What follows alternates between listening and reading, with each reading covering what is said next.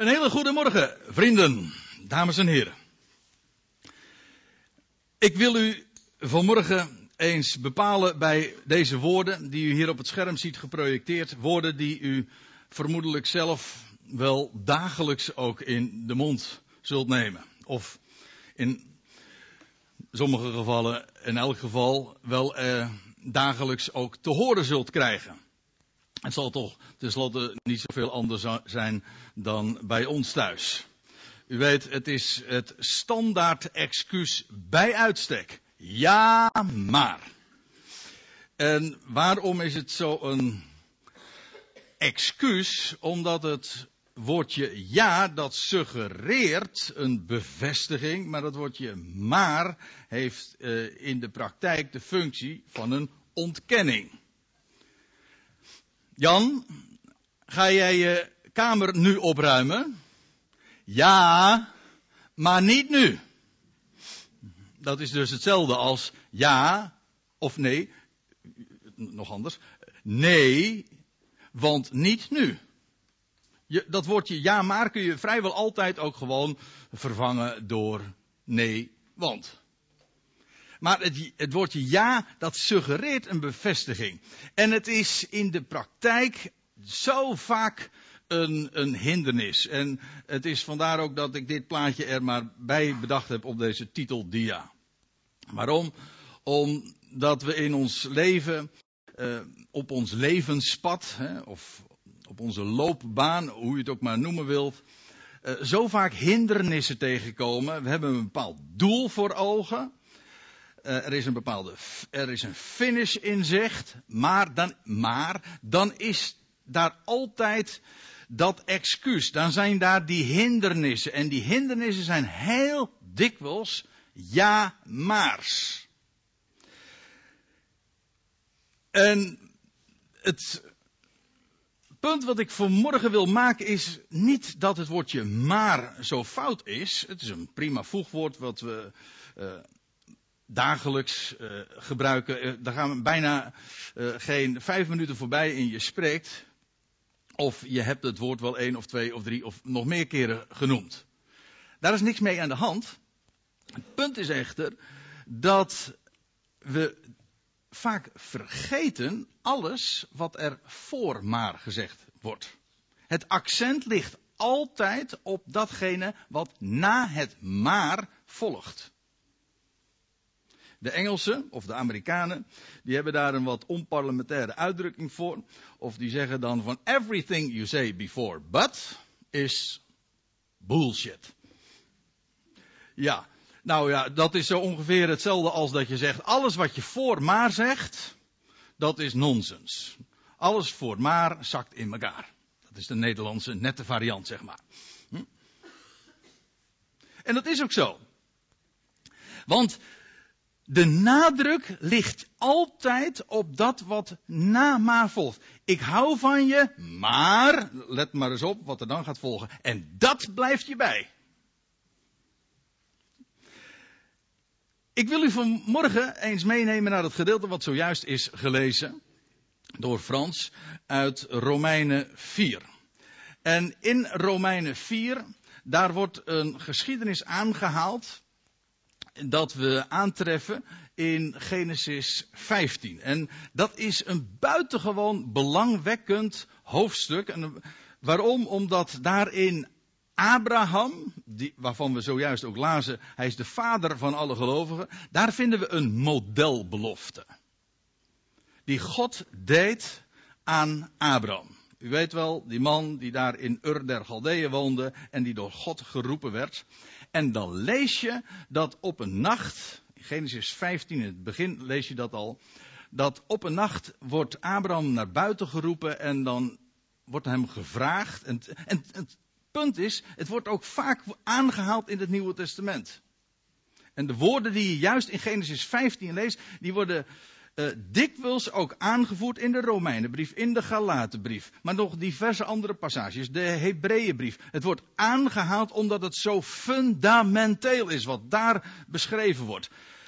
Punt is dat Abraham dus naar, naar buiten geroepen wordt en naar, naar omhoog moet schouwen en en de, de sterrenhemel mag bekijken. En dan wordt hem gevraagd of hij dat kan tellen. Nou, dat kon hij niet. En dan zegt God tegen hem: Zo zal jouw nageslacht zijn. En dan vind je die eenvoudige woorden daarbij vermeld. En Abraham geloofde God.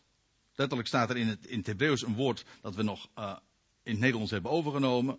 En in vele andere talen. Abraham beaamde God. Hij zei amen op wat God verklaarde. Abraham beaamde God. En God rekende het hem to, toe tot gerechtigheid. Dat betekent. Abraham was voor God een rechtvaardige. En waarom is dat zo'n modelbelofte? Het staat echt model voor het evangelie. Vandaar dat het in, in Paulus' bediening zo'n enorm grote rol speelt. Abraham was hier ook nog niet besneden. Dat is een van de clues ook van, van dat Romeinen 4. Abraham was gewoon een in onze ogen een gooi, een heiden, een niet-jood, geen Israëliet. Dat, dat waren begrippen die trouwens toen nog helemaal geen opgeld uh, konden doen. Want Israël, per slotverrekening, dat was de, acht, de, nee, de kleinzoon van Abraham. Abraham was een heiden en God doet hem een belofte. Wat voor belofte? Wel een onvoorwaardelijke belofte. Er wordt niet tegen Abraham gezegd: als jij zus of zo dan. Nee, tegen Abraham wordt gezegd, kijk naar die sterrenhemel en zo zal jouw nageslacht zijn. Als de sterren des hemels, en eerder was al gezegd, en in jouw zaad zal, zullen alle geslachten van de aardbodem gezegend worden. En waarom is dit een modelbelofte? Wel, het is in de eerste plaats onvoorwaardelijk. Geen enkele conditie of mits of gemaar is, ligt daaraan ten grondslag of uh, wordt daarbij vermeld. Nee, het is onvoorwaardelijk. Zo zal het zijn. Bovendien, het is universeel. Ja, er zijn geen voorwaarden aan verbonden. En dus geldt het voor allen. En dan nog iets. Het heeft betrekking die belofte die God toen aan Abraham deed, het heeft betrekking op het zaad van Abraham. Dat is de uitdrukking die standaard daarvoor gebruikt wordt.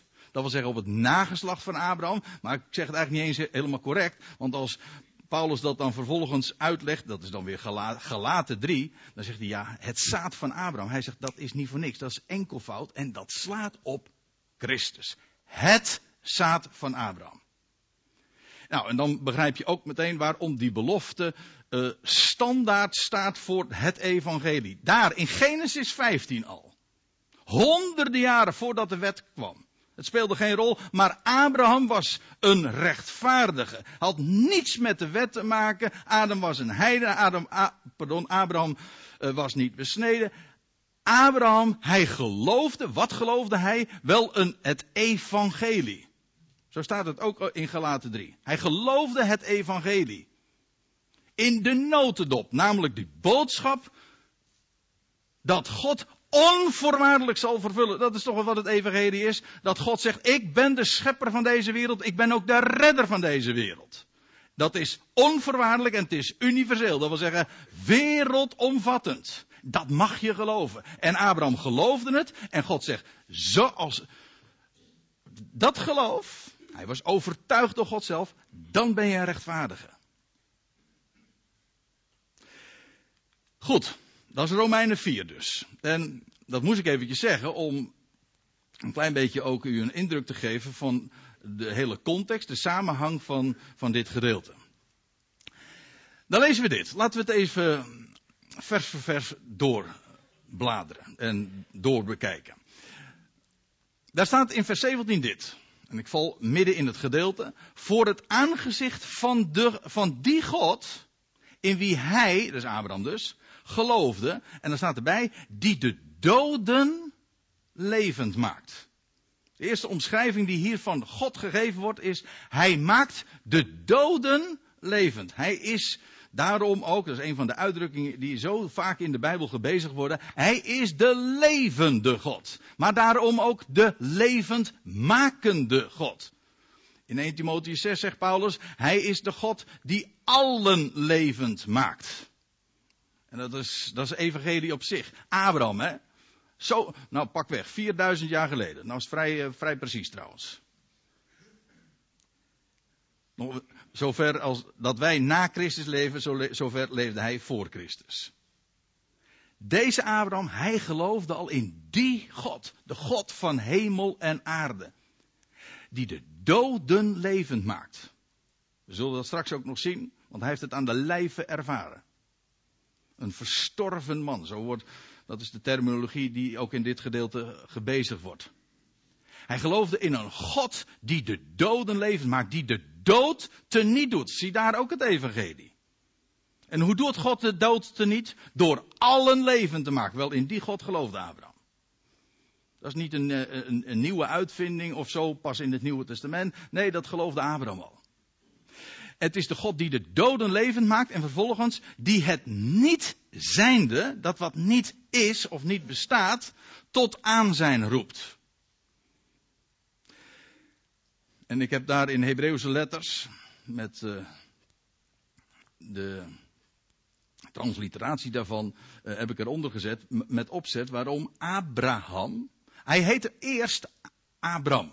En toen kreeg hij vervolgens de, van Gods wegen een H, een he, en de Hebreeuwse letter he, en dat is de vijfde letter, heeft te maken met genade. Maar goed, dat zal ik u uh, nu even besparen. Maar het punt is even deze.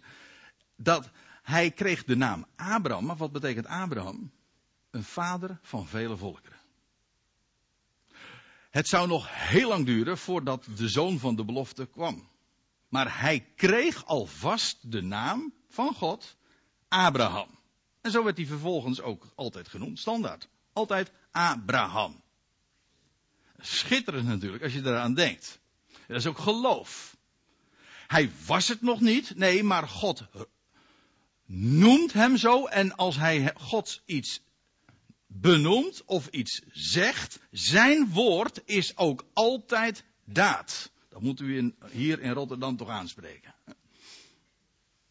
Gods woord is ook altijd daad. Er gebeurt wat God zegt, er zij licht, er is licht. God noemt hem Abraham, vader van vele volkeren. Kon Abraham daar iets van zien? Nee, alle uh, medische verklaringen die hij had.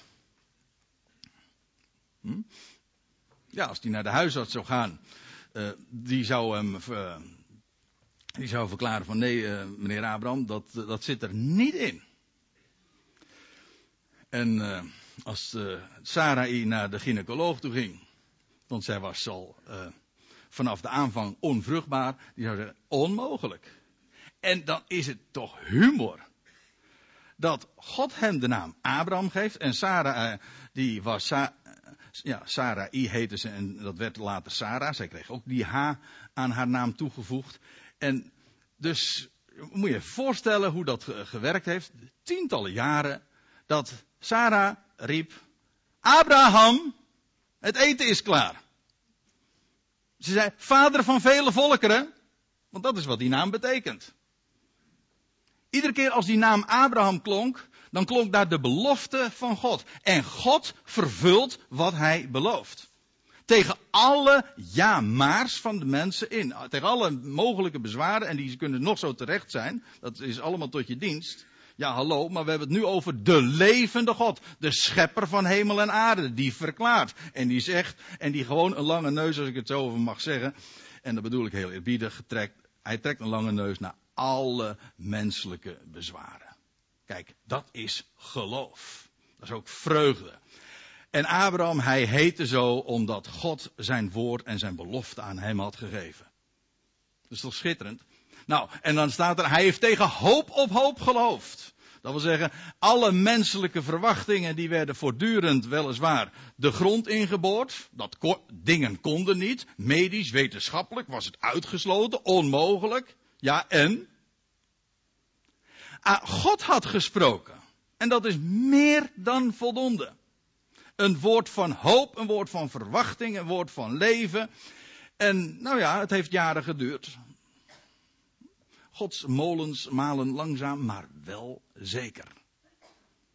En trouwens ook precies op tijd. Dat bleek later ook in de geschiedenis. God had gezegd ook wanneer het zou gebeuren. En precies op de aangegeven tijdstip gebeurt het ook daadwerkelijk. Hij heeft, Abraham heeft tegen hoop op hoop geloofd dat hij een vader van vele volkeren zou worden. Dat wil zeggen dat hij zou worden zoals hij ook heette. Dat zijn naam waarheid zou worden. Dat een vader van vele volkeren zou worden, volgens hetgeen gezegd was, zo, dat wil zeggen zoals de sterren des hemels en zoals het zand aan de oever van de zee. Zo zal jouw zaad zijn, zo zal jouw nageslacht zijn. En zonder te verflauwen, lees je dan vervolgens in vers 19. En zonder te verflauwen in het geloof heeft hij opgemerkt. Nou moet ik er even iets bij zeggen. Omdat uh, hier gesuggereerd wordt, ook in de vertaling, dat, uh, hier, dat Abraham nooit uh, momenten van zwakte zou hebben gekend. Terwijl als we het Oude Testament lezen, dan kennen we natuurlijk die hele affaire met Hagar. En die, bij wie een zoon verwekt werd. En eh, nou, zo zijn er trouwens wel, wel meer momenten van twijfel geweest. En het mooie trouwens, in het Nieuwe Testament, moet je maar eens een keertje gewoon nazoeken en, en checken of het waar is wat ik nu zeg. Maar als in het Nieuwe Testament geschiedenissen worden aangehaald uit het Oude Testament, dan wordt altijd voorbijgezien aan de zwakke momenten, aan de stappen van ongeloof. Daar wordt niet meer aan gedacht. Als ik het zo zeg, dan heb ik meteen ook verklaard waarom. God denkt daar niet meer aan. Maar dat is geen geschiedvervalsing, want er staat eigenlijk gewoon, uh, niet zonder te verflauwen, er staat letterlijk, en niet zwak zijnde. In het geloof heeft hij opgemerkt, het gaat hier namelijk over een bepaald moment in Abrahams leven. En er wordt hier voorbij gezien aan de dagen van ongeloof of van vertwijfeling of van misstappen. Of dat hij dacht dat hij God een handje moet helpen.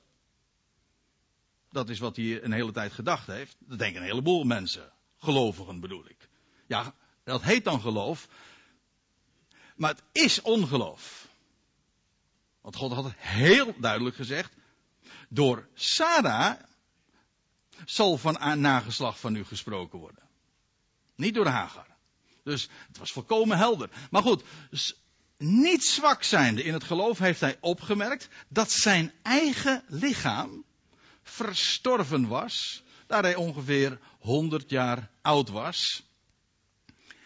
En dat is een uitdrukking die uh, ook elders nog uh, gebezigd wordt. Hij was verstorven. Doods. Impotent. Niet in staat om nieuw leven voort te brengen. Verstorven, ja.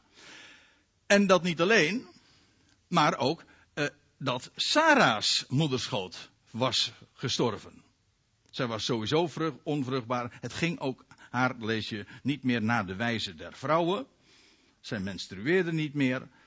Haar moederschoot was verstorven. Ook hier dus weer precies waar, ik waar we het net al even over hadden en aan dachten. Namelijk dat volgens de medische verklaringen was het volstrekt helder. Dit koppel zou geen nageslacht meer krijgen. Ja. En dan is het zo schitterend wat God doet. En dan zie je in Abraham en Sarah's leven precies het evangelie gedemonstreerd. Namelijk dat God uit de dood nieuw leven voortbrengt. En juist, en dat, dat is de truc, en dat is ook iedere keer zo frappant, en de rode lijn in heel de Bijbelse boodschap is dat alle ja-maars van de mensen worden getrotseerd. En zo worden alle menselijke overwegingen, excuses, worden overwonnen. En God zegt, ik doe het. En jullie zeggen het is onmogelijk. Maar voor degene die gelooft, dat lees je trouwens ook in de geschiedenis van Abraham. Voor degene die gelooft, dat wil zeggen, beaamt wat God zegt, is alles mogelijk. Voor, zou voor God, zegt Abraham, zou voor de Heere iets te wonderlijk zijn. Afijn, De dood heerste in zijn leven.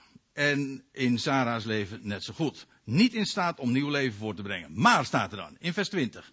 Maar aan de belofte van God heeft hij niet getwijfeld door ongeloof. Namelijk toen hij 100 jaar was. Hè. Over dat moment gaat het. En dan lees je inderdaad ook dat Abraham weer op de hoogte gesteld wordt.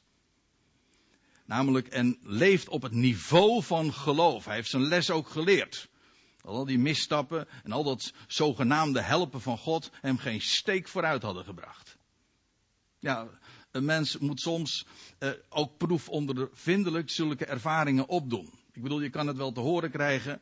Ja, maar je moet soms wel verschrikkelijk op je, juist, op je muil gaan. Om alvorens je daadwerkelijk ook erkent, waarachtig, God had gelijk. Het is waar. Ja, en wie niet horen wil, hè, die moet soms heel pijnlijk voelen.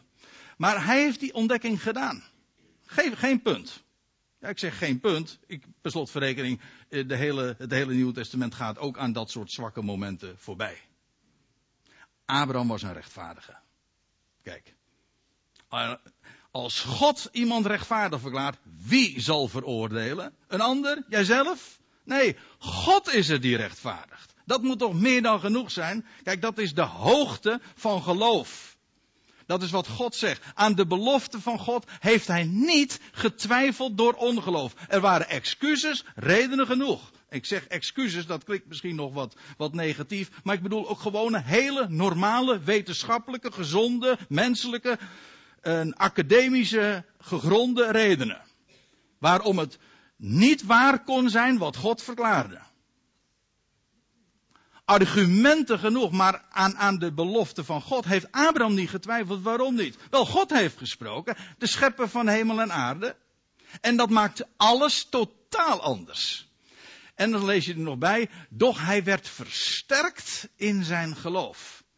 Dat betekent hier in dit geval ook, ik heb hier een, uh, een plaatje bij gedaan uit een bijbelprogramma.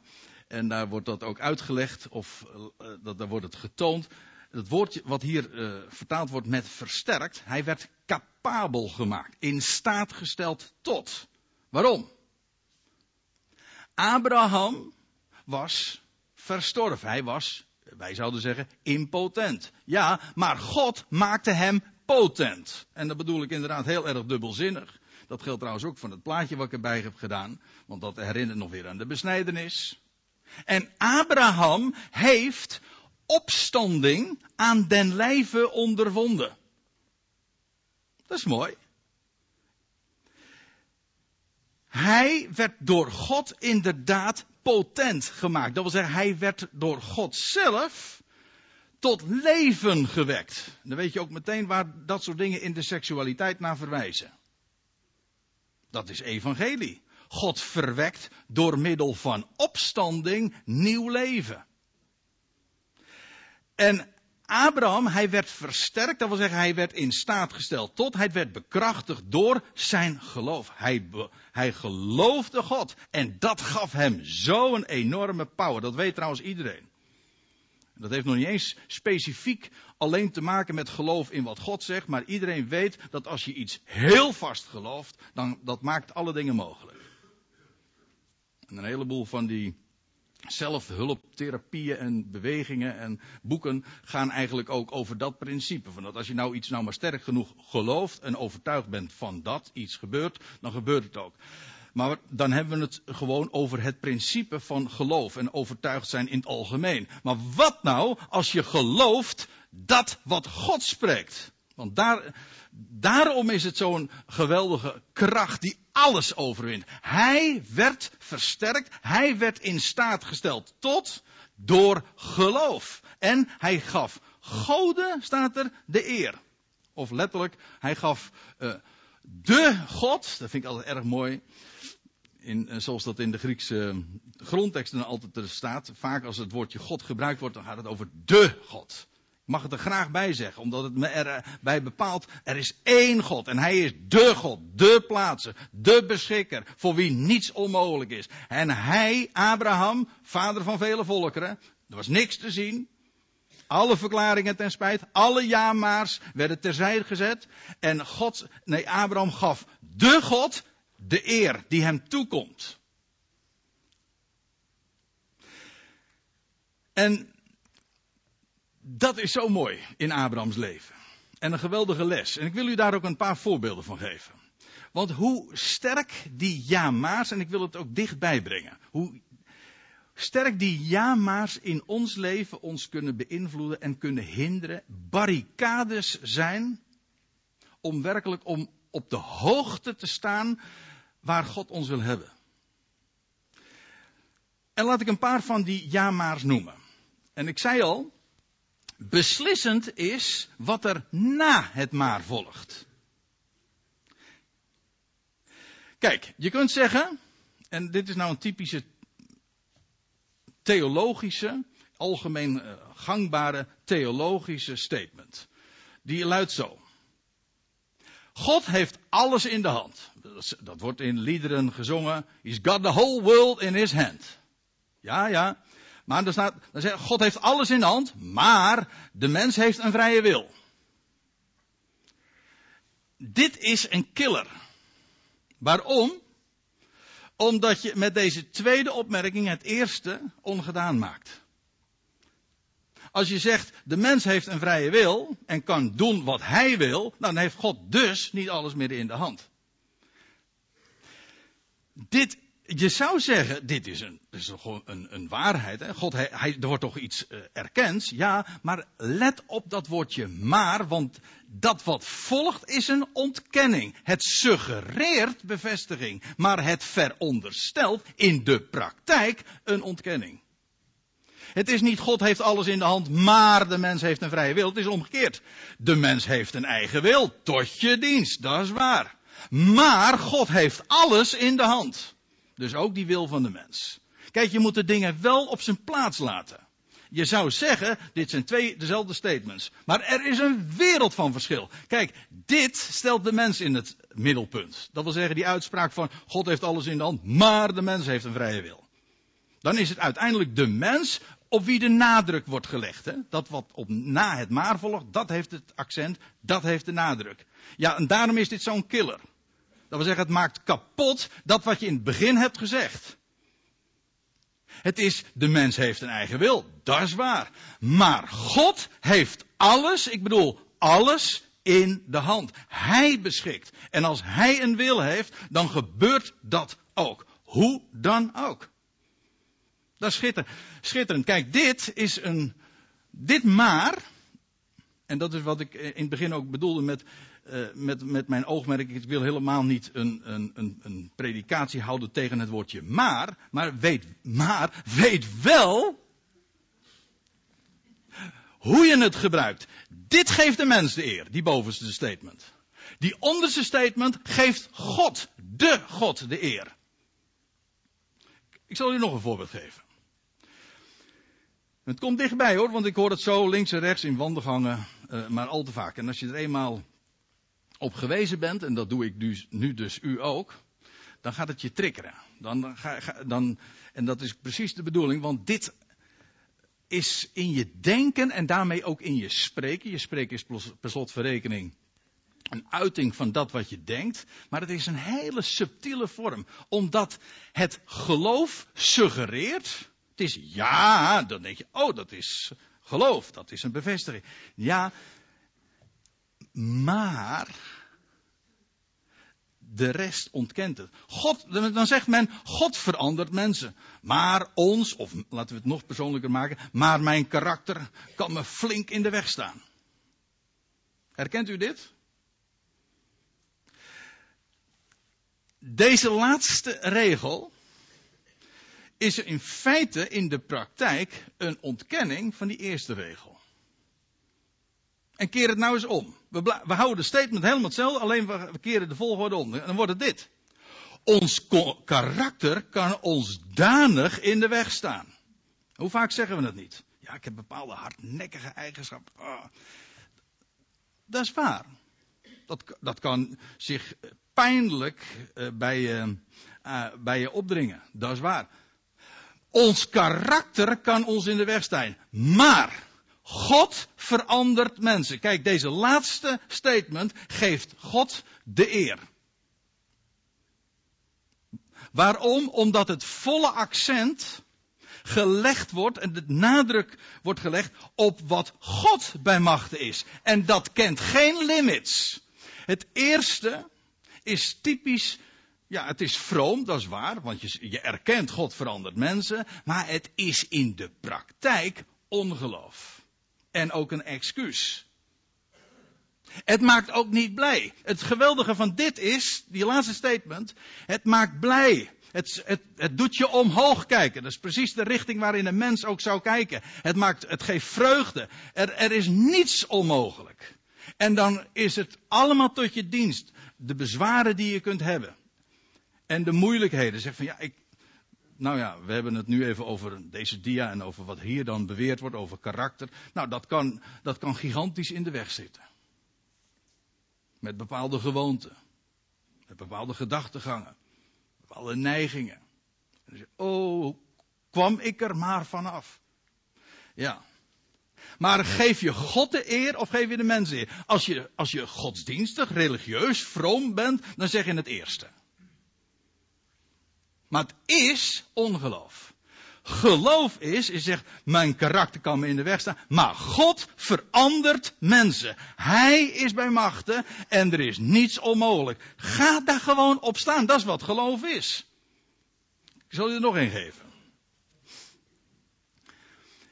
Je zegt, het beste komt nog. Natuurlijk, als je, als je enigszins op de hoogte bent van de Bijbelse boodschap, dan weet je, Gods woord en Gods verklaringen, de belofte die hij heeft gegeven, dat heeft het laatste woord. Het beste komt nog. Ja, maar als je nou, als je zegt, het beste komt nog, maar het lijden is zwaar. Wat heeft hier het accent? Het lijden krijgt het accent. Is dit God de eer geven? Weet u wat God de eer geven is? Dat is beginnen met een volkomen normale menselijke overweging, die volkomen legitiem is. Ik doe daar niets van af. Maar, maar, zet het wel op de goede plek. Zie het in relatie tot.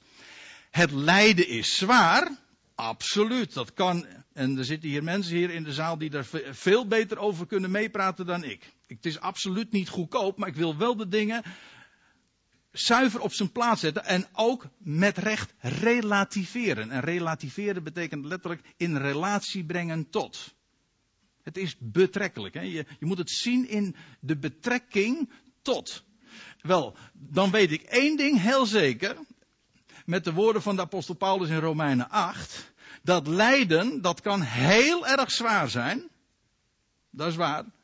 Maar het is, zegt de apostel Paulus, hè, het is niet eens waard vergeleken te worden met de heerlijkheid die over ons geopenbaard zal worden.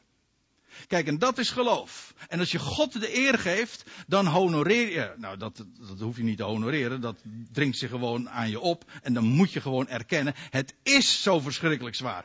Ja, maar moet je nagaan dat als dit al zo zwaar is, hoe zwaar moet de heerlijkheid dan niet zijn die over ons geopenbaard zal worden? Dat het niet eens waard is vergeleken te worden. Dit geeft God de eer.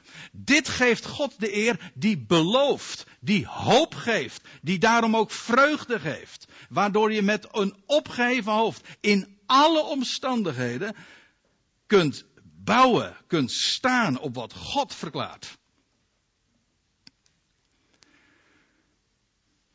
Ik zal er nog één geven, dat is de laatste. Dat is een klein beetje anders, maar ik wil hem toch even vermelden, omdat ik hem juist vorige week nog tegenkwam als een, uh, als een voorbeeld van een menselijk maar. Komt ook dichtbij hoor. Ik denk eerst even een slokje water.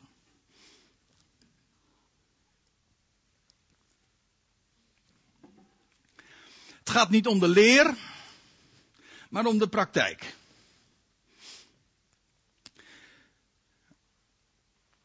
Zal het nog even toelichten. Het was namelijk in een bepaald verband dat ik hoorde, en later las ik het ook, dat er gesproken werd over de dat ging in dit geval over de Efezebrief, maar ook over de Colossensebrief, waar in, de eerste, in het eerste deel van de brieven, dat is heel vaak het principe, in de Romeinenbrief zie je dat trouwens ook, dat het eerste deel van de brief gaat over leer. Zo zeggen we dat dan. Ik heb wat tegen dat woord, het klinkt altijd zo taai namelijk. Hè? Maar goed, uh, leer. Dat zou dan de theorie zijn. En dan het laatste gedeelte gaat over de praktijk. En dan het idee is, dan zegt men ja, de leer is inderdaad genade. God doet het allemaal. Maar, kijk, die, dat laatste gedeelte van die brieven, dat, is, dat gaat over de praktijk. En dan moeten wij toch ook wat doen. En dat is ook een verdraaiing. Waarom? Omdat men daarmee suggereert, en ik heb niet voor niks dat plaatje van die man die daar boven aan een kloof staat. Uh, en die kloof, dat suggereert hier ook de kloof tussen leer en leven. Tussen theorie en praktijk. En die is er dikwijls. Maar wat bedoelt men daar vaak mee? Van, ja, de leer is, God doet alles. Hij werkt. Maar de praktijk is dat wij ook dingen moeten doen. Nou, als dat zo is, dan is die praktijk dus precies het tegenovergestelde van de leer. De leer zegt God doet alles en de praktijk is wij moeten het doen. Nou, sorry, maar dat vind ik een heel raar praktiseren van de leer. Want bij, ik versta onder in de, over in de praktijk brengen dat de leer daarin wordt gedemonstreerd. Namelijk dat God alle dingen doet. Ik zal u het uh, aan de hand van een schriftplaats ook uh, duidelijk maken. Nou, laat ik eerst even nog de, de tegenwerping, hè, dat menselijk maar zeggen. Het gaat niet om de leer, maar om de praktijk. Of, en dat geeft God de eer, is het, het gaat in de praktijk, de wandel, om de leer. Namelijk van God onze redder. En ik heb u hieronder nog een, een verwijzing gegeven, Titus 2 vers 10. Daar lees je dat, dat we de leer van God onze redder. Hij die de redder is van alle mensen, speciaal van ons die geloven. De leer van God onze redder zouden versieren in alles. Waarbij je dus ziet dat het in onze wandel juist gaat om de leer. Het is niet zo van, het gaat niet om de leer, maar om de praktijk. Om de drommel niet. Het gaat juist in die praktijk om de leer, dat wil zeggen om het onderwijs, dat Hij de God is die een redder is. En dat dat in mijn leven ik mag dat ook demonstreren. Dat is een voorrecht, dat is genade. Kijk, en dat is wat mij vaak dan zo steekt. Als men dan zegt van ja, maar die, de leer dat is genade, maar die praktijk, ja, dan komt er een last op je schouder. Dat moet je dan toch allemaal mooi wel doen. En weet u wat, dan krijg je ook hetzelfde verhaal. Dan krijg je in het eerste gedeelte wordt dan de leer uiteengezet en daar word je blij van. En vervolgens krijg je dingen te, allerlei instructies over de praktijk. En dan zakt de moet je weer helemaal in de schoenen. Dan denk ik, wat een mooie praktijk zeg. God is het die de dingen in ons leven doet. Hij geeft de kracht. En het is een voorrecht. Het is een voorrecht als je dat in je leven mag ervaren en demonstreren. En als, als slingers mag ophangen in je leven. Om de leer van God onze redder te versieren. Dat is een voorrecht. Het is toch een voorrecht om hem te kennen. Het is toch een voorrecht om te leven uit genade. Kijk, aan de ene kant is de waarheid dat hij genade bewijst. Maar het is toch ook een voordeel dat wij in ons leven elkaar ook genade mogen bewijzen. En vreugde mogen geven. En voorbij mogen zien in alle. Nou, ik. Uh, nee, ik zal het netjes zeggen. Dat we voorbij mogen zien aan alle toestanden en aan al het falen van de ander. Dat, God ziet ons ook als rechtvaardig. Waarom zouden wij, wat hindert ons om elkaar ook niet als rechtvaardigen te zien? God is het die rechtvaardig. Wie is het die veroordeelt? Kijk, dat is geloof. En dan geef je God de eer. En dat is ook een leven dat ja, gevuld wordt met genade en met vrede en met vreugde en met hoop. Dan geef je de God de eer. Nou, ik ga weer even terug naar Romeinen 4, vers 20. Want dan moet ik het afsluiten. Dan, zegt, dan staat er nog dit. Ik lees het vers nog één keer voor wat we lazen. Maar staat er van die Abraham. Aan de belofte van God heeft hij niet getwijfeld door ongeloof. Maar hij werd versterkt. In staat gesteld tot. In zijn geloof. En hij gaf de God de eer. In de volle zekerheid, staat eigenlijk in, in, de, in de leidende vorm. Dat wil zeggen, hij was verzekerd. Hij, of hij, ja, hij werd verzekerd. Hij onderging het. God had hem overtuigd van.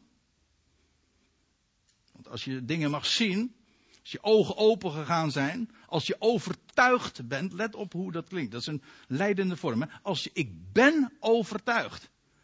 Iemand heeft mij overtuigd. Ik ben overtuigd en dat is zijn werk. Geloven is zijn prestatie. Hij was in staat om mij te overtuigen. Wel, Abraham was zo iemand. Hij was ten volle verzekerd dat hij, God, de levende God, bij machten was. Hetgeen hij beloofd had, ook te volbrengen. Kijk, dat vind ik het geweldige van, van het evangelie. Ik bedoel het evangelie echt het evangelie. Niet een zo'n vroom godsdienstig verhaal waarbij prachtige dingen gezegd worden, maar vervolgens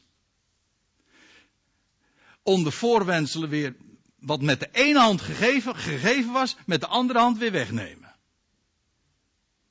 Genade wordt geleerd, maar in de praktijk worden werken gepromoot. Dat wil zeggen, eerst was het onverdiend, gratis, en vervolgens moet je het toch weer kennelijk allemaal verdienen.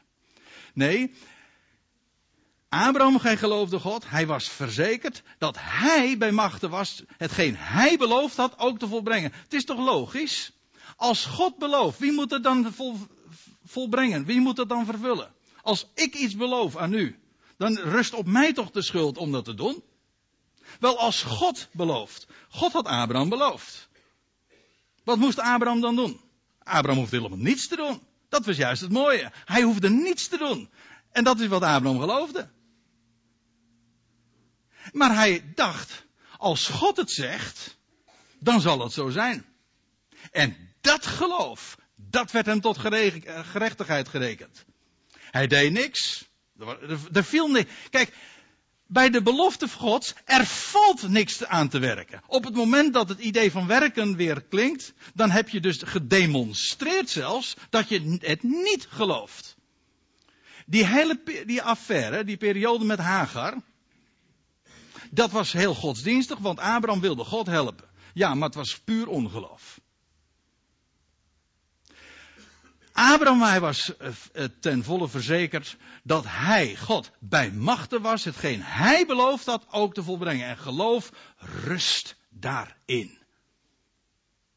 Want hij vervult. En je zegt, God heeft het gesproken, hij zal het ook doen. Voor hem is er helemaal niets onmogelijk. Kijk, en dan vind ik het zo prachtig en daarom heb ik het plaatje er ook bij gedaan. Nou, dat zal geen selfie zijn van uh, Sarah, neem ik aan. Of van Isaac, dat lijkt me helemaal uh, onmogelijk. Maar het geeft toch een aardige indruk. Blije mensen. Maar zo noemden ze dat ventje vervolgens ook. Lachen. Dat vind ik trouwens ook heel illustratief voor het evangelie. Want dit is echt reden om te lachen. Zodra er ook iets van mij verwacht wordt, dat ik moet doen, moet ik moet werken, nou dan kun je het wel shaken. Wegvreugde. Ik word juist zo blij bij, bij deze waarheid dat Hij bij machten is, dat Hij ook zal doen wat Hij beloofd heeft. Wat valt er te werken?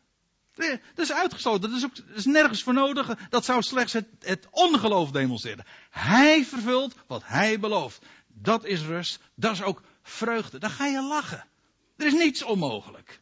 En dan kijk je omhoog en dan kijk je vooruit. Het beste komt nog. Ondanks alle zware omstandigheden. Ja, maar het, maar het beste komt nog. Kijk, zo mogen wij God de eer geven in ons leven. Dat is een geweldig voorrecht.